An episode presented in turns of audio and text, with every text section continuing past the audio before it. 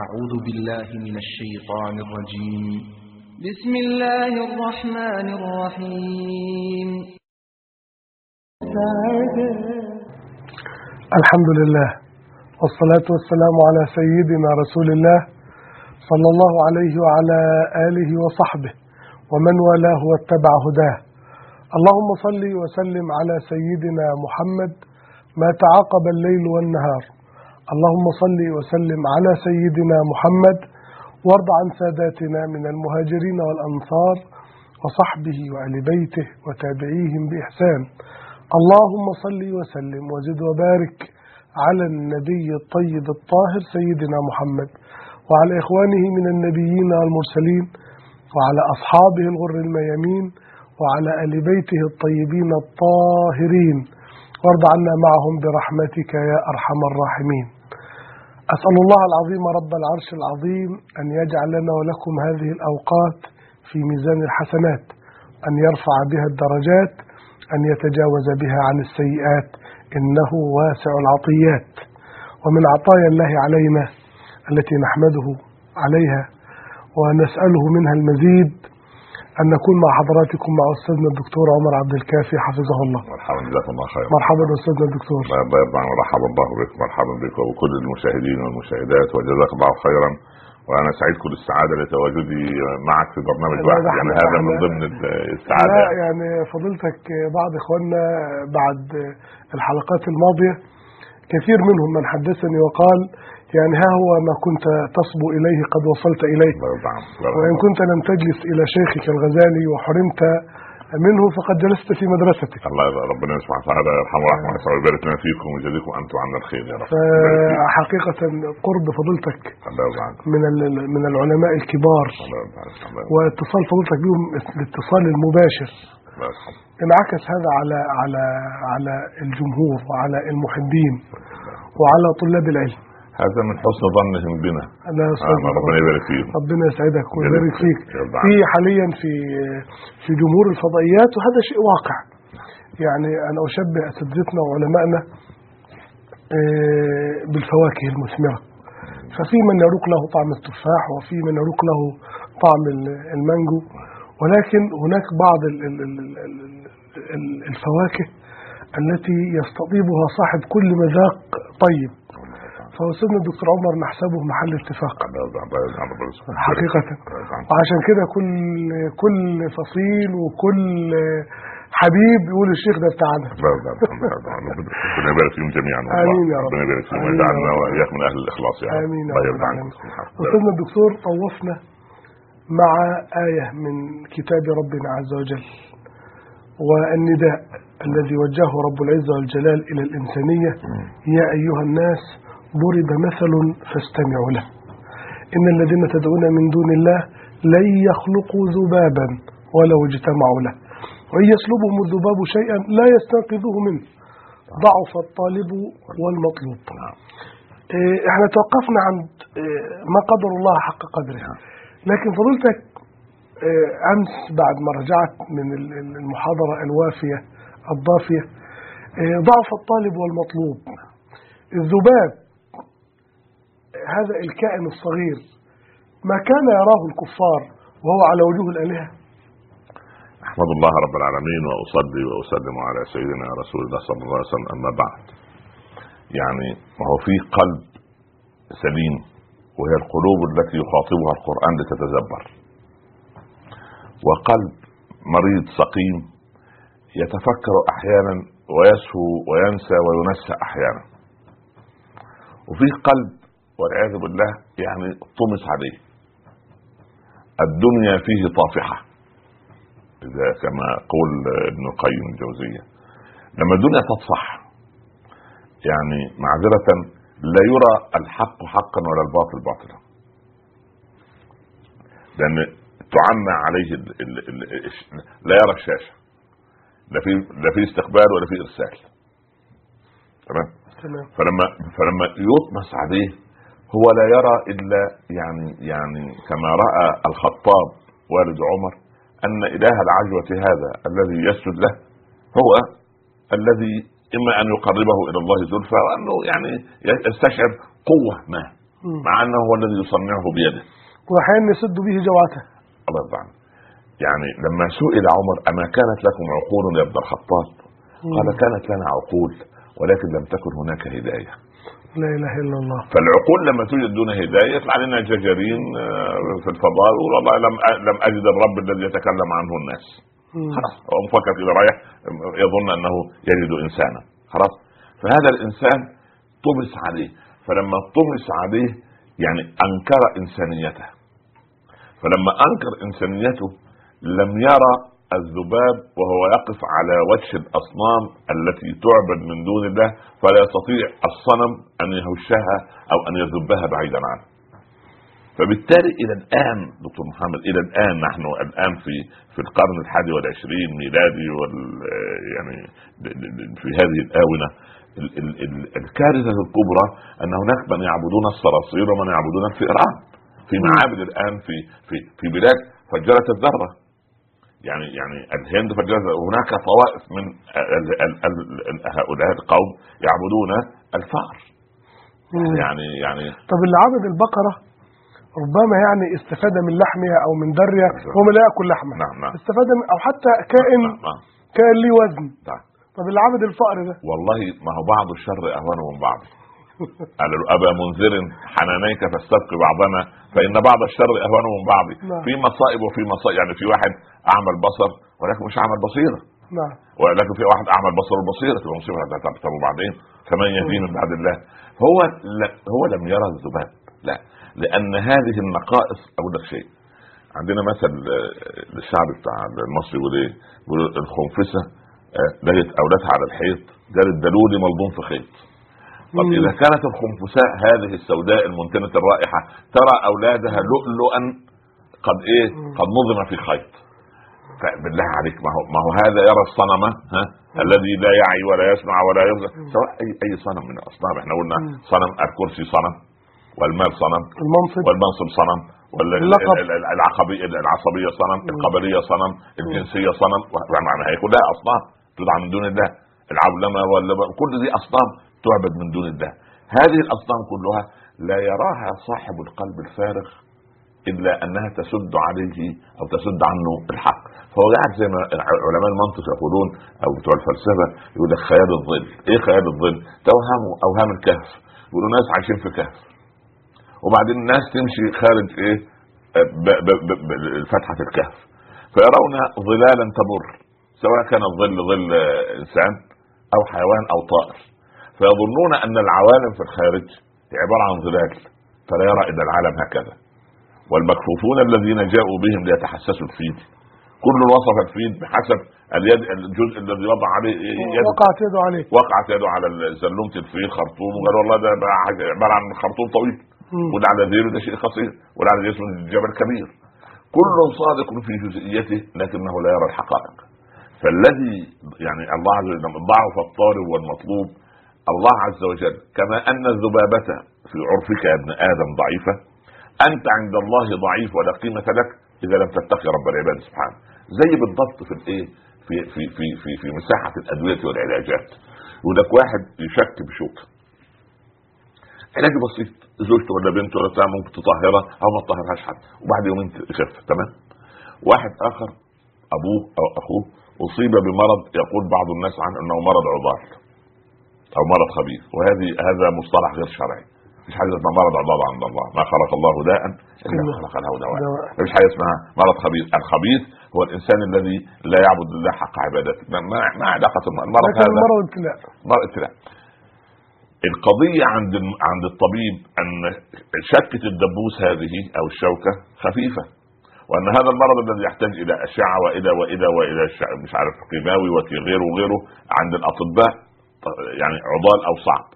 عند الله عز وجل يستوي قضية كن لهذا المرض البسيط الذي قد يتطور إلى غرغرينة وقطع جزء من اليد وهذا المرض الذي يقول له رب العباد كن مشفيا فيصير مشفيا. إذا القضية عند الله عز وجل تستوي. خلاص؟ عند العبد تستوي تختلف بمدى نظرته هو. قال له يا بصري كم أنا عند الله؟ قال انظر كم الله عندك؟ بس. المقياس هنا أنا أنا كم؟ أه؟ طيب. إن أردت أن تعرف عند الله مقامك فانظر فيما أقامك. طيب. لما يقيمني في أن الصالحين يحبوني وأهل الكرام أهل الكرم يحبونني وأهل الشر يبغضونني. طب ده نعمة وفضل. الحمد لله. نعمة وفضل. طب العكس. مم. لو أن أهل الشر هم الذين مدحوا فيك. لكن معذرة نعم أستاذنا نعم. هل فضلتك مستشعر هذه النعمة؟ كونوا آه، أنه أهل الخير في في في في شتى أقطار أقطار الأرض. يحبون الشيخ ويحبون طلته. لكن هل لما صحفي يتجرأ على الشيخ ويكتب شيء في مقالة بالباطل هل مولانا الشيخ عمر بيقرأ المقال ده بأي عين؟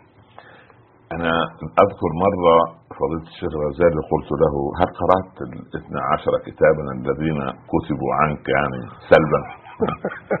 قال ليس عندي من وقت أن أقرأ نعم. هذا. ليس نعم. عندي وقت لماذا لأن الذي يعلي في الأبنية. لا يبحث عن الأخبية. والذي يريد أن يرى ذرى المعالي لا يتطلع كن كالسطور على الذرى تصغي لوسوسة القمر لا كالغراب يطارد الجيف الحقيرة في الحفر. لكن أنا هعذر المحبين بقضية. الذي يحبني يحبني بمقدار ستر الله سبحانه وتعالى عيوبي عنهم. ولو علموا عني ما يعلمه ملك السيئات ما أحب طلتي وما أحب الاستئناس اليه زادك الله رفعت. يعني حقيقة الأمر. لكن. نحن نحمد من ستر لا من نظر. نعم. أنا أحمد الله على من ستر لا على من نظر اليه من البشر. نعم. وبعدين إذا كان العبد بس يخاف أن يعني يقال في في الأثر أن إذا وقف العبد أمام المرآة يخاطب يا عبدي طهرت منظر الخلق سنين أما طهرت لي قلبك ولو ساعة. يعني لأنه محط نظر الخالق القلب. أنا بس يعني يعني لكن قضية أن أن هذا الذي يهاجمني. أنا أنظر إليه من منظور آخر. لو مدحني لابد أن أتوب وأعرج نفسي. يعني هنا هنا تكمن المسألة. نعم هنا يكون الخطر. آه آه لأن لأن النبي صلى الله عليه وسلم لما قيل له إنه مجنون وهو شاعر وساع و- والى آخره لم يثبت مرة أنه رد تهمته عليه الصلاة والسلام ليه؟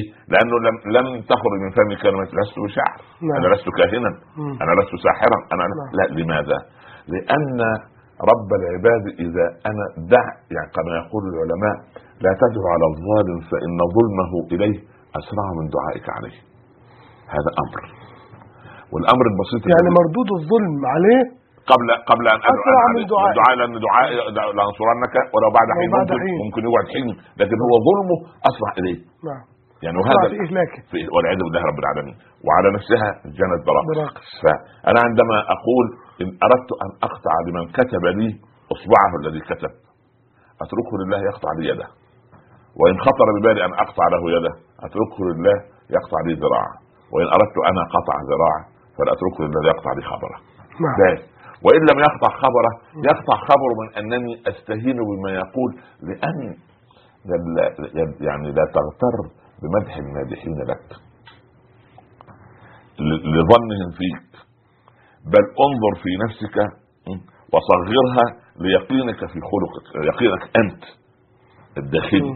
ولكن نأتي إلى المسألة ونقول إن إن أحبنا أهل الكرم فهذا من كرمهم من صفة الكرم أن يحبون أمثالنا حقيقة وهذا تواضع كبير منهم وهذا حسن ظن بارك الله فيك. انما بارك الله التواضع من العلماء؟ الله استغفر الله الله يرضى عنك طيب أستاذنا آه، بما أن إحنا أثرنا هذه القضية في بعض الدعاة إخواننا من الدعاة أو من آه، مشايخنا العلماء ربما أخذ هذا الأمر الأخذ والرد والهجوم والدفاع والرد على الكاتب الفلاني ومتابعة الموقع العلاني ياخذ جهدا من وقته و أنا أشفق على إخواننا من الدعاة والعلماء أن يضيعوا أوقاتهم في هذا الأمر. لماذا؟ أنا أعمل لله أم أعمل لنفسي؟ قد تأخذني الحمية يوما وأكتب كلاما. مم. أخوض به في يعني لماذا أنا؟ وأنا وأنا ملياردير حسنات. ده أنا متسكع ومتسول و- و- وشحات على باب الله عز وجل في حسنة.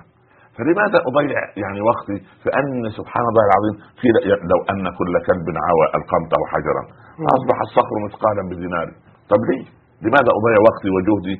شوف الدعوة تسير لو أن الرسول صلى الله عليه وسلم شغل بهذه المعارك الجانبية لتعطلت الدعوة. لأن هو عنده هدف.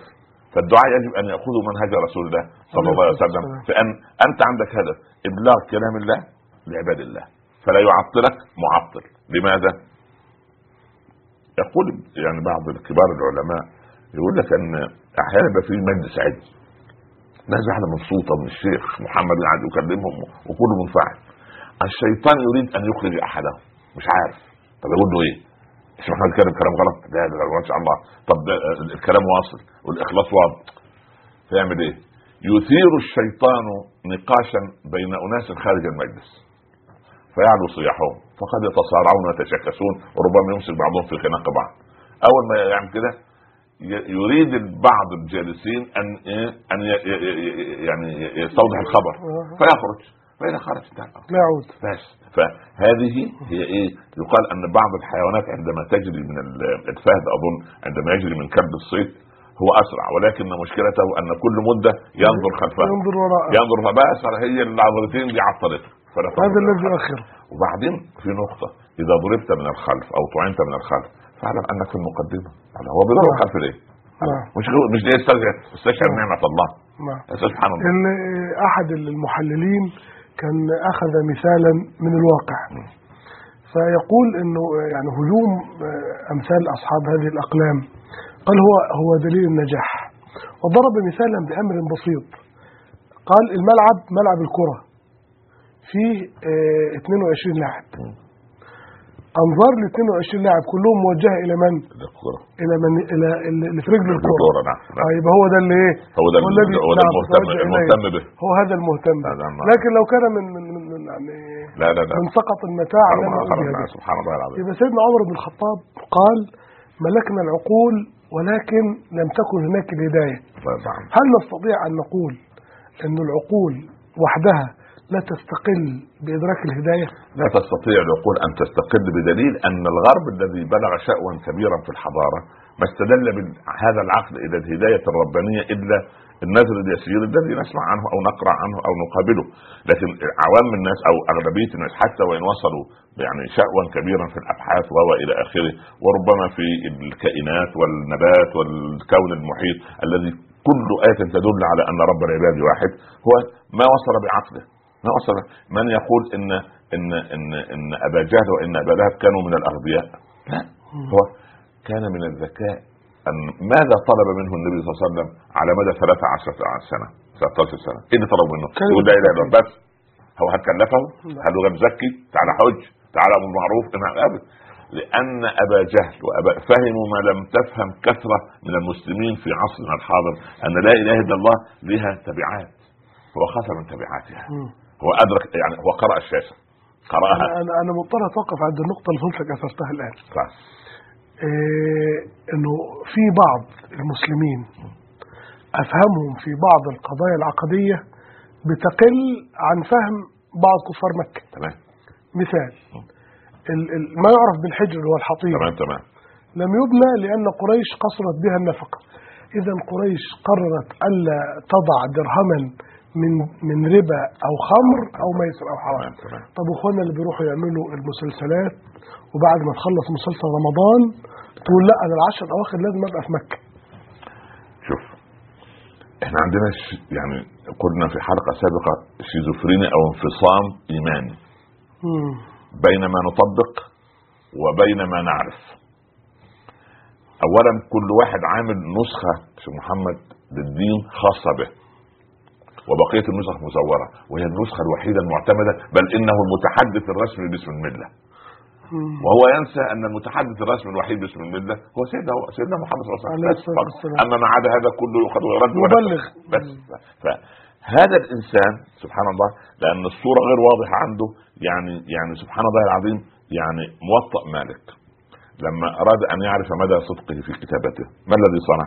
وضعه وضع على سقف الكعبة سنة ولما عادوا إليه بعد سنة قال والله لو وجدنا سطر صفحة ضاعت يبقى الكتاب ده ما فيهوش إخلاص. فلما وجدوه ها، أقر مالك انه مخلص لله فيه. اولا هذا العمل الذي عمله هو يسأل نفسه سؤال بسيط. لو أنا الآن هذا العمل الذي عملته في المسلسل وغيره هل الرسول صلى الله عليه وسلم إذا جلس في بيته يشاهده أو لا يشاهده؟ بس لن تكذب فطرته. بس يخلي نفسه إيه. دون لف ولا دوران. لن لن تكذب فطرته ما ينفعش. طيب لو أذنت لي أن يعني أن نزيد الأمر توضيحا بما أن فضيلتك ربنا عز وجل جعل لك آه، فضل السبق في أنه كثير. أنا التقيت بأناس في أحدهم قال لي أنا تركت ال- ال- التمثيل وكان لي اسم. قال لأني مررت أمام مسجد أسد بن الفرات والشيخ بيتكلم فقط. وهو مر كده قال وتحدث الشيخ عمر في قضية أنا كنت مهتم بيها قلت يا الراجل ده بيقول إيه يعني قالوا الجماعة فالتقيت بيه والآن ما شاء الله هو رجل. لكن ظهر من يقول لهؤلاء لا تتوبوا عن الفن ولكن توبوا في الفن. شوف يعني يعني نحن نقول كما يقول أستاذنا ربنا يعطيه الصحة الشيخ قرطاوي يعني نحن نريد أن يعني يتفنن المتدينون وأن يتدن- يتدين الفنانون يعني بهذا المنطق. يعني قريبة من هذا فيما آه. أذكر يعني نعم. يعني إحنا عايزين كل القضية تصب في خدمة الإسلام والمسلمين. ايا كان أي إنسان. في واحد يجي يقول والله أنا أروح طلع الشيخ محمد صغير وعمر وغيره وغيره, وغيره. ها، الفن حرام. لا نقول هذا. لا لا, لا نقول هذا. نحن نقول الحرام ما حرم بالكتاب والسنة ولا تحريم إلا بنص. والحلال كل شيء عن إباحة ما لم يأتي نص يحرم. اذا نحن واقفون عند كتاب الله ما المعنى لكن ضع يعني قل لي ماذا تصنع وأنا أقول لك بالكتاب والسنة ينفع ولا ما ينفعش. ما ما فيش فتاوى عامة. نعم. تمام؟ لكن ما فيش فتاوى مفصلة. لا مم. إحنا هنحط الكتاب والسنة في ميزان. ونحط ال ال ال ال ال ال ما, ما, ما, ما يستخرج من الموجود والمعروض. خلاص؟ مم. يساوي ما- يحرم في الواقع يحرم في الفن وما يحل في الواقع يحل في وهكذا وهكذا. نعم. يعني سبحان الله. يعني بس نقطة أنا بس بأشفق على أهل الفن من قضية صغيرة خالص قضية الكذب. بس يعني ما هذه يعني بس يكفي بس يعني يكفي يكفي. يعني يطلع واحد يقول لك إيه؟ أنا الناصر صلاح الدين. ما ما نفس الحديث مم. وهو لم يصلي العصر ولا المغرب ولا العشاء ولا يتوضا نعم. طيب ال- ال- التذييل ختام هذا المثل. نعم. ما قدر الله حق قدره. نعم. نعم. إن الله لقوي عزيز باقتضاب ما قدر الله حق قدره والأرض جميعا قبضاته يوم القيامة والسماوات مطاة بيمينه لكن هنا ما قدر الله حق قدره إن الله لقوي عزيز. لأن الذي لم يقدر الله حق قدره حق قدره لم يلاحظ أن الذي خلق الإنسان بعقله خلق الذبابة بضعفها. وهنا يكمن سر الله وهنا تظهر قدرة الله. قدرة الله في الذبابة وقدرة الله في في هذا الكائن البشر الذي يعني جعله الله عز وجل سيدا فوق هذا الكون. ما قدر الله حق قدره لأنه لو قدر الله حق قدره سبحانه لوقف أمامه خاشعا دليلا. يعني عندما تجد الطائف حول الكعبة ويتكلم في المحمول هل هذا قدر الله حق قدره؟ والطواف صلاة. تمام؟ طواف صلاة. هذا أمر. الأمر الثاني أنا عندما أخرج من الصلاة مم. وأذهب لأغش أخي شيخ محمد وأكذب عليه. وإذا غادرني اغتابه هل هذا الإنسان قدر الله حق قدره؟ ولا حتى الصلاة. إذا خرجت أنا من مجلس العلم وذهبت إلى زوجتي مقطبا جبيني وبعدين مادا يدي بالسوء مقبضا يدي عن قابضا يدي عن الخير. أمسك ما بين يعني كفي وأنفخ ما بين فكي. والعياذ بالله. طب هو بيقول هو مرهق في الدعوة. أقول لا هو هو ده شوف اللف والدوران يعني قال آه، احد الأئمة تحرضوا على من؟ انت حدثت على من؟ يعني وغدوا على حرب طب إحنا على من؟ يعني إحنا هنلف وندور على من؟ إن الله كان عليكم رقيبا نهاية أول آية في النساء ليه؟ لأن في علاقات معينة ما ينفعش فيها إلا رقابة الله ما أنا ممكن يقعد قدام الشيخ محمد يقول والله أصل يا مولاي يقول لا إله إلا الله يقول قدام الشيخ يقول كلام آخر وكل واحد يدبج كلاما لكن لكن القضية ليست هكذا إن الله كان عليكم رقيب. فمن رقابة قلب العبد ده أن يقدر الله حق قدره. ما قدر الله حق قدره. أي إنسان معذرة بعيد عن الخط اعلم أنه ما قدر الله حق قدره. ذلك يشوش فكريا. لكن طالع الكلام كده غثاء كغثاء السيل وصوته زي الطبل الأجوف. ما سبحان الله. يعني قالوا يا إمام يعني عمر بن أبي ذر قال يا ابت أراك تكذب الناس؟ فيبكي الناس. وغيرك يكذب الناس؟ فلا يبكي أحد. قال يا بني ليست النائحة كالسكلة في الواحد في المحترف وفي الهاوي. في اللي شايل القضية في اللي خايف على على مش على الدين خايف على روحه ويخاف على من يحب. هذا الخوف لا يأتي إلا من أن يقدر الله حق قدره. وعندما أقدر رب العباد حق قدره عندئذ على قدر ما ما, ما أستطيع أنا هسلك لماذا؟ لأن رب العباد سبحانه ما اختار لي إلا الخير. وحجز عني كل شر وأعطاني منهجا إن سلكت وصلت وإن توقفت ضعت. وبعدين القضية كلها وقال أصحاب موسى إنا لمدركون. ودي قضية خبرية منطقية واقعية مصورة. هذا البحر وادي فرعون وهو في الوسط. قال كلا. لا فكاك قال قال كلا. كلا يعني إزاي يعني؟ ما هو كلا. فعللها. علل لماذا يعني ينكر هذه القضية؟ ان معي ربي سيهدي بس. فإن معي ربي خلاص. يعني فمن كسب الله فقد كسب كل شيء وما ترك شيئا ومن فقد جانب الله فقد كل شيء وما نفعه شيء فأنا أقدر الله. يعني أنا لما أروح لمحامي مشهور وأعطيه مئة ألف في القضية وبعدين أقول لزوجتي إيه خلي بالك. ده ما يدخلش في قضيه ويخسر ابدا. التوكيل عملناه لأشهر محامي في البلد. خلاص. ده الولد هيعمل عملية عند أشهر جراح. لا تخاف لا تخاف ولا تحزني آه. إن رجل ارجع وراجع وراجع الواد ماشي كل لكن القضية الكبيرة أن العبد ينسى لما قال وتوكل على الحي الذي لا يموت. قال أتوكل يعني إيه؟ أنا بسيب الولد يدخل في غرفة العمليات ما يدخلونيش معاه لأن أنا مش طبيب. وحتى لو كنت بقول لك خليك أنت أنت أب. عشان العواطف هذا تمام؟ فلما دخل جوه أنا مستأمن الطبيب ليه؟ لأنه رجل مشهور و إلى عدة عوامل. أنسى قضية أن مسألة فتح البطن بتاع الولد واخراج كذا وكذا دي مش شاغله بالي لأن شاغل بالي بس إيه؟ أن يخرج مرة أخرى. إذا توكلت على رب العباد لماذا لا أنسى المشكلة؟ يبقى القلب فيه دخل. يبقى ما قدر الله حق قدره. لازم يكون تسليم تام. إذ قال له ربه قال له ربه أسلم. قال أسلمت. رب العالمين. ادخلوا على اللص عزك الله قول له سلم نفسك. يعني إيه؟ خلاص. يعني أنا ما معيش لا سلاح ولا غيره إلا محبة رب العباد. إن الله لقوي عزيز بعد ما قدر الله حق قدره. ما قدر الله حق قدره. الكلام ال- الآيات تحدثت عن الإنسانية. نعم. لكن ما قدر الله حق قدره هنا في خصوص. تمام. لا يقدر الله حق قدره إلا خواص المؤمنين الذين وصلت قلوبهم بالله واستنارت بهدي الله سبحانه وتعالى. فلما استنار بهدي الله هو يعلم أن هذه الحركة يعني أقول لك شيء ال- النعم التي أنعم الله علينا بها لو كانت تعطى بدعائنا لتوقفت حياتنا. يعني مثال يعني لا يستطيع الإنسان النعم التي عليه لو أنه هو بيطلبها بدعائه لا. ما- عندوش وقت يكفي بدليل بدليل. هل الآن الإخوة والأخوات المشاهدين والمشاهدين الآن. هل قبل البرنامج الذي ينتظرونه هذا؟ يا رب قدر لي أن أجلس هكذا على الكرسي أمام شاشة التلفزيون. ويسر أمر الفضائيه أن يأتي الإرسال واضحا. ويسر الكلام على لسان الشيخ محمد وأن يحادثه آه، آه، فلان.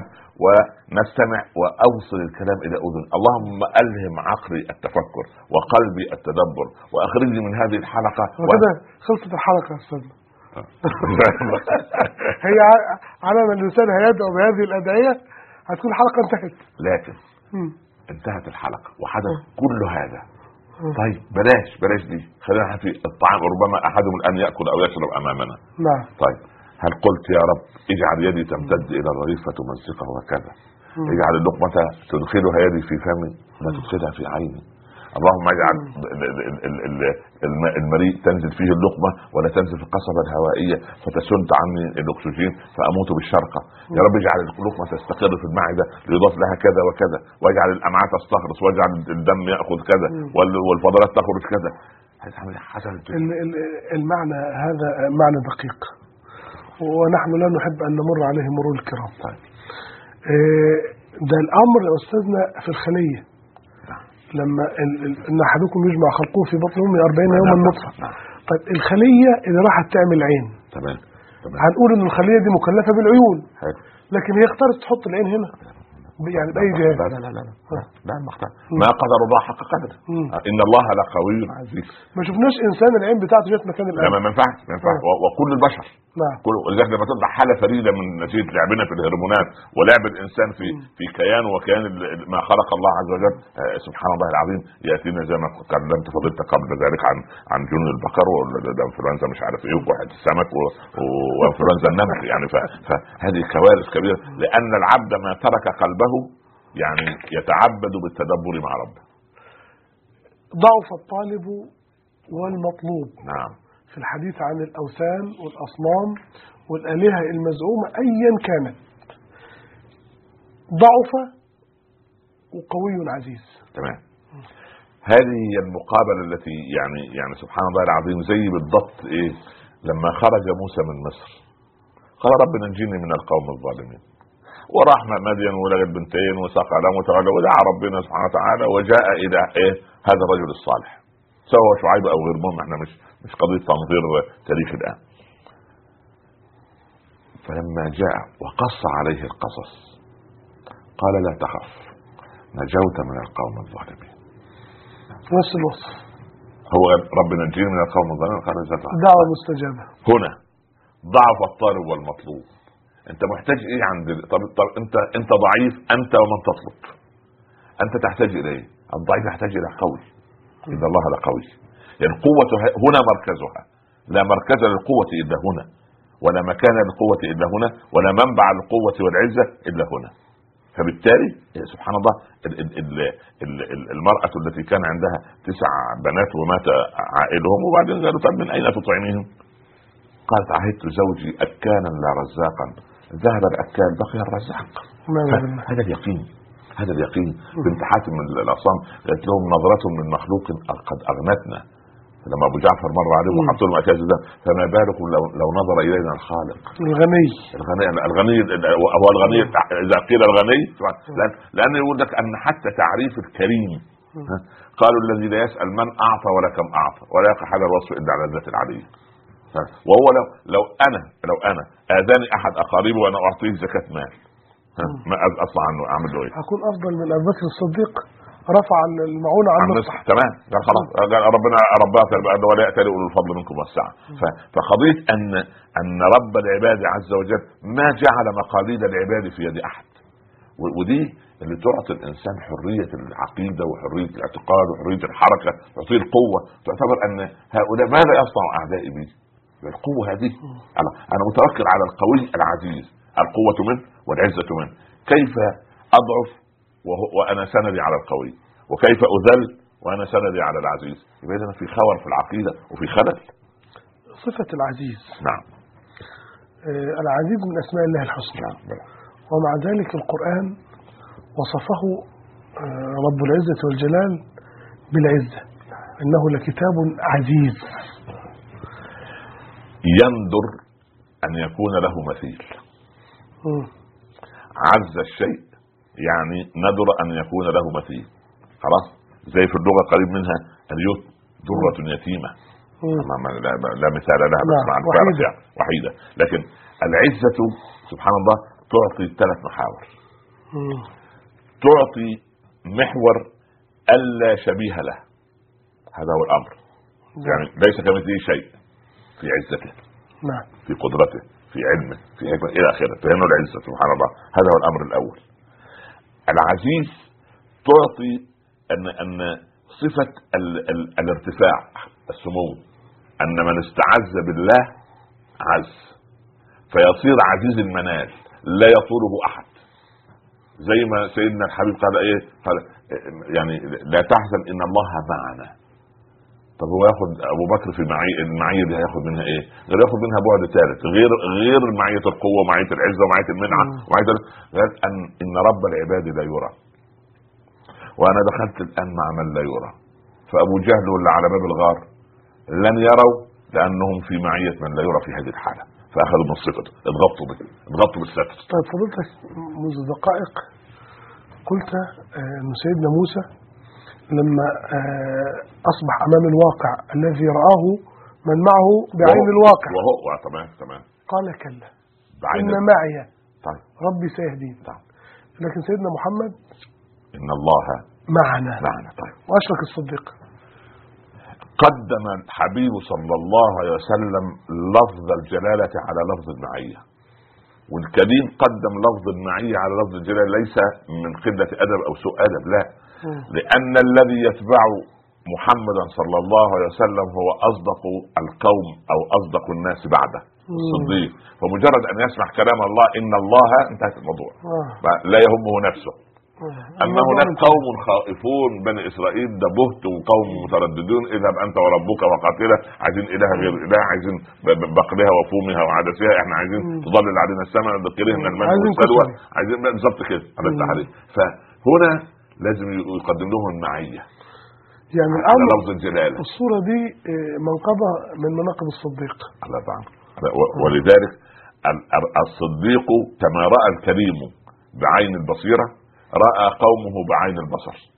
فلما نظر أبو بكر بعين البصر اولا فلما ذكر إن الذين اتقوا إذا مسهم طائف من الشيطان تذكروا. فإذا هم مبصرون. فلما إن الله معنا كعمر عندما قال له أبو بكر اجلس يا ابن الخطاب وما محمد إلا رسول قد خلت من قبله الرسل أفإن مات أو قتل انقلبتم على اعقابكم الايه يقول عمر وكأني أول مرة أسمعها. ليه؟ لأن أحيانا الإنسان يحتاج إلى إيه؟ الله أريد أن أسمعه من غيري نعم ما يطلب من ابن مسعود يقرأ عليه فإذا أنا أحتاج إلى من يجلي البصيره. وإن الله سبحانه وتعالى ما قدر الله حق قدره ها, ها إن الله لقوي عزيز. ابن آدم كيف تحتار؟ وكيف تصغر وكيف تذل؟ وأنت معك القوي العزيز. ولذلك يعني أنا أرأف ويعني في حالة من الأسى والضنا على هؤلاء الذين يربطون أقدارهم بأقدار الناس. طيب آه، وأنا أنظر إلى هذا المثل اللي فضلتك جعلته محورا لهذا الكلام. وضرب المثل بالذباب لمن اتخذ أولياء وأنداد من دون الله. لو رجعنا إلى سورة العنكبوت نجد مثل الذين اتخذوا من دون الله أولياء ده. كمثل العنكبوت اتخذت بيتا. نعم. وإن أوهن البيوت لبيت العنكبوت. نعم. نفس الموضوع. ولكن إيه موضوع؟ هناك الذباب وهنا العنكبوت. لأن كل هذه المخلوقات التي نراها نحن تافهة ضعيفة وهي في قدر الكون صغيرة ولا قيمة لها وضعيفة هؤلاء الأنداد والأولياء والذين تت... يعني تنافقونهم وتنحنون أمامهم وتخدمونهم وتضيعون دينكم من أجل دنياهم وهكذا هم لا يختلفوا عن الذباب ولا يختلفوا عن العنكبوت في ضعفهم بل إن الذبابة أقوى منهم لأن وإن يسلبهم الذباب شيئا لا يستنقذوه منه. هذا اذا إذا سلب مني يوما ما يسلب ملكه يوما. إيه القضية؟ إيه القضية؟ فالكارثة الكبرى أن حقائق الأمور هؤلاء ال ال ال الكبار الذين تنحنون أمامهم زي بالضبط نحن الآن شوف محمد عاملين زي المسلمين أو مدعي الإسلام عامل زي جن سليمان في اواخر أيامه وما ما دلهم على موته الا دبه الأرض تاكلوا من أن- العولمه والنظام العالمي الجديد ومش عارف القوه العظمى ومش عارف وحيد القرن كل, كل الكلام الكبير الذي يقال هذا. دول بالضبط سليمان وقد مات. ونحن أو بعضنا الا من رحم ربي أو أغلبنا الا من رحم ربي يعمل عند هذا الذي يشبه يعني هذا البقاء وهو غير بقاء هو ميت. هو حكم على نفسه ب ب يعني أنا استضفت مرة في في تلفزيون أجنبي فقالوا لما ما رأيك في هذا الكيان العظيم والتقدم والحضارة التي رأيتها عندنا؟ قلت والله هذا هذا كيان كبير ولكنه يعني أن يعني هذا الكيان اللي أنا فيه الآن عملاق ولكن عملاق مصاب بالسرطان. ولكن هو بيحفر يعني كالوعد يحفر قرن رمسه بقرنه. يعني هو دخل على آه يعني سبحان الله على المنحدر الذي رسمه لنفسه فقضية أن أن لماذا نكون كجن سليمان؟ نعمل لمن لا يجب أن نعمل من اجله مم. يعني اللي يقول لك الجن ده الجن طب الجن نفسه ما كانش يعرف إن سليمان مات خلاص نعم طب إحنا دلوقتي كمؤمنين ناخد ال- ال- البعد الثالث في المسألة وده والله النظام العالمي هذا نظام نظام فاشل لأنه مبني مفتوت عن عن عن. عن, عن واعتصموا بحبل الله. مفتوت عن العنايه الالهيه مفتوت عن تعاليم السماء فهو يحكم على نفسه بالفشل من البداية. من البداية. ارنولد توينبي كان يقول درست 52 نوع من المدنية وجدت أن أغلبها قد انهار عندما انهار فيها الجانب الأخلاقي. طب خلاص. طب إحنا ليه طب طب ليه أمشي ورا انهار الجانب الأخلاقي؟ لا، في إيه؟ طيب من يقول أستاذنا الدكتور أنه الجوانب الأخلاقية لا ترتفع بها أمة ولا يقوى بها اقتصاد. بدليل أن الغرب آه، خاصم الأخلاق في كثير من النواحي ومع ذلك هو في تقدم مستمر. عظيم. لأن عنده قانون بشري ألزم به نفسه يحكم على الكبير والصغير. ففيه جانب أنا قلت لهم في المؤتمر في ميلانو من سنتين أنتم سوف تظلون على الساحة. رقم واحد طالما أن العدل عندكم وما أن العدل بدأ يتبخر من عندكم وت- وتنظرون إلينا بمكاييل معينة وتنظرون إلى العالم بمكاييل معينة هذا أبيض وهذا أسمر وهذا أسود وإلى آخره سوف ينفرط العقل بقيت لهم قضية حفظ الحقوق والأدمية إلى حد ما. هذا الذي بقي لهم وهذا الذي أبقاهم. لأن يأتي يأتي الرجل يجلس على الكرسي ثم يمضي كحال إلى حال سبيله خلاص كانه موظف ويعيش يعني مواطنا يعني يخدم الناس ويخدم المجتمع. هذه باقية عندهم. يعني فيهم بعض ال ال ال ال ال القانون يطبق على أي من يكسب إشارة المرور لا فرق بين فلان وفلان دي. أيوة. قصص معروفة. فإذا هذه كمية العدل الباقية عندهم واحترام القانون البشري الذي سنوه واحترموه هذه تبقي لهم بقية رمق. لكن ال- المفارقة عجيبة. عندنا قانون سماوي رباني نعم. أنزله من خلق. نعم. ألا يعلم من خلق؟ هو اللطيف الخبير. ولكن يوجد عدم التزام. وهناك في قانون بشري إنساني وجوانب القصور فيه لا تحصى ومع ذلك في التزام. لأن عقولهم فيها شيء من الذكاء. فاتبعوا قانونا يوحد يعني وجهتهم مسطره يقيس بها متر يقيس به وحدة قياس كما قلنا في حلقة سابقة. نحن نكرنا قانون السماء. ف- فأخذنا من الدين بضعة طقوس معينة تعبدية يصبح الإنسان لازم يعمل عمرة كل سنة ولازم يحج آه، كل سنة ولازم يعمل كذا وكذا. ولكن لو طلب منه الشيخ محمد انه يزوج ولدين من أقاربه في في الريف أو في ال- الموظفين اللي عنده يقول لك لا قصة ودي قصة. فهو لا يريد حتى في العبادة إلا أن يكون أنانيا. هو يأبى أن أن أن يسعد الآخر لأن السعاد إسعاد الآخر هذه الفريضة الغائبة هو لا يدرك عنها شيء. إذا أستاذنا الدكتور الإنسان إذا ابتعد عن منهج الله تبارك وتعالى وضل طريق التوحيد فهو إن أراد أن يبني لنفسه حصنا يتحصن به ويبني به عقيدته فهذا الحصن أشبه ببيت العنكبوت. وإذا التجأ إلى آه، ولي يتولاه من دون الله تبارك وتعالى وإذا أنا توجهت إلى ولي إنما أتوجه إلى قوي. يضرني آه، إذا أراد وينفعني إذا أحب يعافيني إذا مرضت أو يرفع عني البلاء إذا ابتليت. ولكن إذا كان هذا الولي الذي أتوجه إليه إن يسلبه الذباب شيئا يعني لا يستطيع الوثن أن يهش الذباب عن وجهه فربما احتاج إلى من يعبده. إذا الضعف هو المنظر المسيطر والحاكم على دنيا من اتخذوا أولياء من دون الله تبارك وتعالى. فاللهم لك الحمد على نعمة التوحيد اللهم لك الحمد على نعمة الإسلام اللهم لك الحمد على نعمة القرآن. وفي ختام هذه الحلقة أتوجه باسمي وباسمكم جميعا بوافر الشكر والتقدير لأستاذنا فضيلة الدكتور عم- عمر عبد الكافي حفظه الله على الدوام. وحفظ لنا علمه وبارك لنا في وقته ومتعنا الله عز وجل بحياته ونفعنا بما سمعنا منه. وأسأل الله العظيم رب العرش العظيم أن يبارك لنا ولكم في الأوقات أن يجعل هذه الأوقات العظيمة رفعة لنا في الدنيا والآخرة. أترككم في أمن الله وأمانه. ورحمات الله عليكم وبركاته.